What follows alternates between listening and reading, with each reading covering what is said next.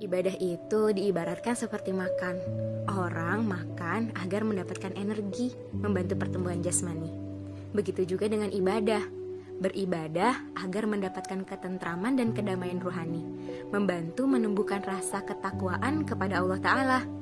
Analogi makan ini menerangkan bahwa Allah Ta'ala tidak butuh ibadah seseorang, melainkan sebaliknya. Seseorang itulah yang butuh untuk beribadah sama seperti kita membutuhkan makan, bahkan lebih dari hanya makan. Lalu Allah berkata, jika ada orang-orang mendurhakainya, ada yang perlu dicek dari keimanan kita. Padahal iman membawa kita pada suatu pernyataan bahwa manusia penuh dengan keterbatasan akal, daya, dan upaya.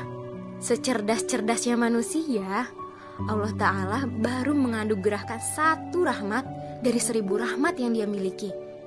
Dan kita baru memberikan setetes dari luasnya samudra yang Allah ciptakan.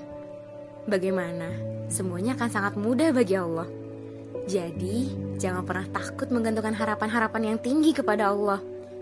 Kita butuh terus memperbanyak doa, karena sungguh doa adalah senjata utama bagi orang-orang yang beriman.